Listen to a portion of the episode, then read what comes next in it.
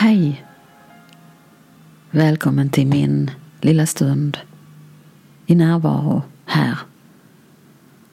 Jag heter Nina och jag vill nu presentera mig själv lite mer så att du får lite bakgrund och ett perspektiv kring vem jag är. Kom ihåg att allting är bara ett hittepå i denna stund. Men för att vi ska vara människor också, som vi ju är här nu, så vill jag berätta om min upplevelse av min mänsklighet och det jag har gjort och varit fram till nu. Jag har jobbat med coachning, stresshantering, närvaro i flera år. Och det finns egentligen bara en anledning till det. Och det är att det är det jag mår bra av. Jag mår bäst av att prata om närvaro och stresshantering eftersom jag genom mig själv i mitt liv har upplevt stress på alla nivåer, både psykisk, känslomässig och fysisk stress. Jag vet genom min upplevelse hur svårt det är att leva ett liv i den smärtan som stress ger. Jag vet också hur det blockerar den naturliga drivkraften och inspirationen, glädjen och kärleken. Och hur den skapar illusioner och avstängdhet, både till oss själva men också till andra. Jag har ända sedan jag var liten känt inom mig att det finns någonting högre än den här mänskligheten vi har och upplever. Jag har känt en connection med Gud, universum, livet, livskraften och varit nyfiken på vad det är. Det har följt mig genom hela livet som en bas, som en landning, som en trygghet. Jag har tittat in i religioner, funnit eh, många pusselbitar, förståelse, kunskap och sett att allt hör samman. Allt är samma egentligen när vi tar bort det som separerar detaljerna, namnen, orden. Utmaningen ligger alltid här i att se vad är det som separerar som vi tror på i stunden. Tänk om det är så att ingen har rätt och ingen har fel. Utan vi alla påverkar och skapar helheten tillsammans med våra olika perspektiv. Och att det är så livet är skapat. Jag har genom åren sett att det enda som jag egentligen behöver lära mig är att släppa taget om det jag har lärt mig. Det är så lätt att bli programmerad av det vi ser och hör och upplever. Men när vi väl ser igenom det och ser att det enda som någonsin kan skapa min upplevelse i mitt liv, i mitt perspektiv, är vad jag tänker om det. Och det här diskuteras ju i så många böcker kring mindset, tankegång, förändring av tankar, påverkan av tankar. Men vad händer om vi släpper även det? För tänk om vi inte behöver vara i tankarna så mycket mer. Tänk om vi är redo att släppa tankarna och tron på tankarna. Nu. Genom upplevelsen av närvaron precis här och nu. För det är någonting speciellt som händer när vi landar här och upplever livet precis här istället för uppe i hjärnkontoret. Och det är här vi analyserar, bearbetar, lagrar. Men vad händer om vi släpper fokusen lite mer på det som händer i hjärnkontoret till hur det faktiskt känns och upplevs just nu? Det här har jag tagit reda på om och om igen i mitt eget liv för att se vad som händer på riktigt. För det som händer på riktigt i min upplevelse är ju det som skapar min upplevelse av mitt liv. Är du med?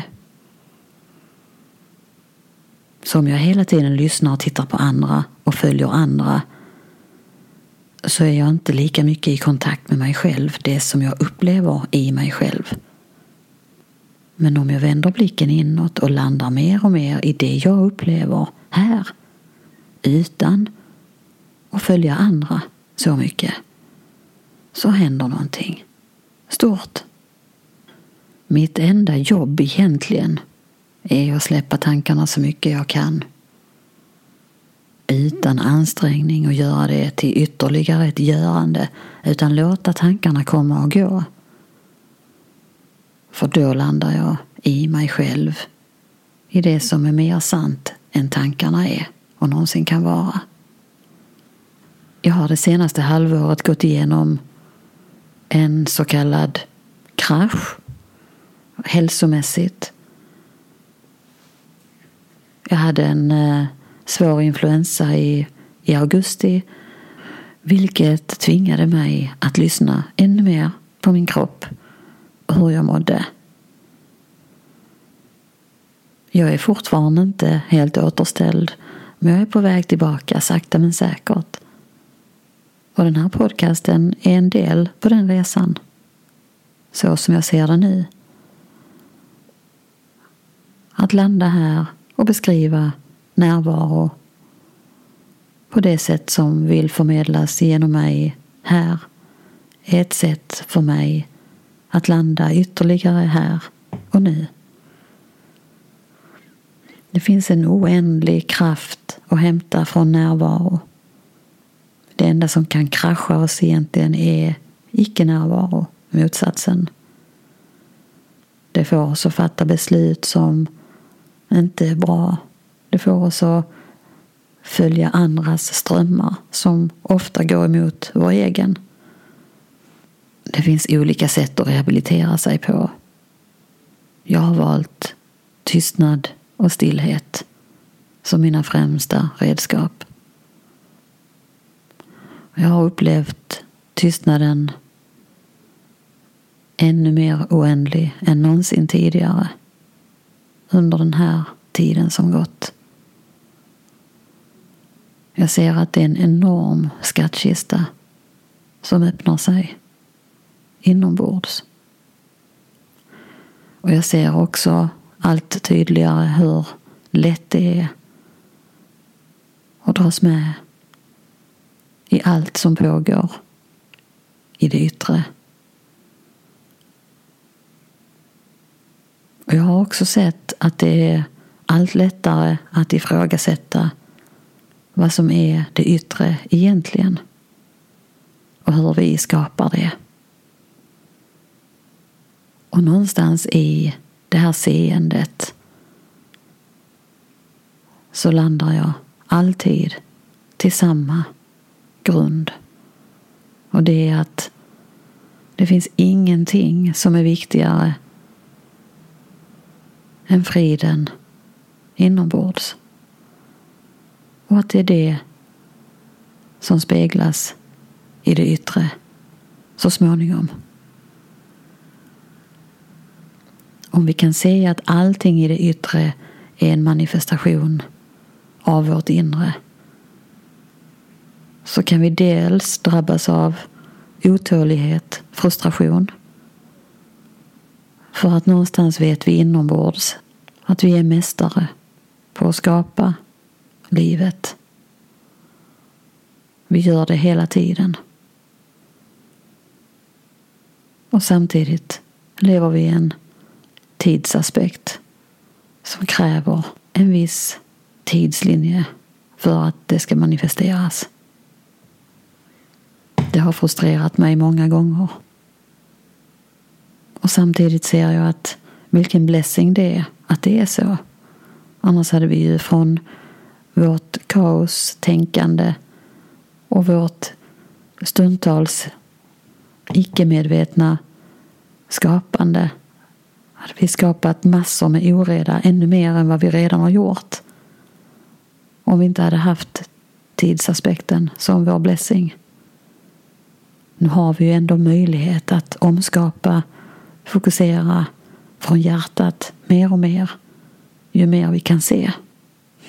Utmaningen är att leva i friden som vi är och har. Och att vi fortfarande ofta dras med i karusellerna, i tankarna och fortsätter att manifestera en del av det. Men vi är på god väg, verkligen på god väg. Och jag skulle berätta om min bakgrund och det blev någonting annat, men det får vara så. Jag litar på att det är precis rätt som det kommer. Det kan vara att jag berättar mer, förmodligen mer, om mig själv i andra delar. Men vi landar här, nu. Tack för att du är här. Vi hörs snart igen.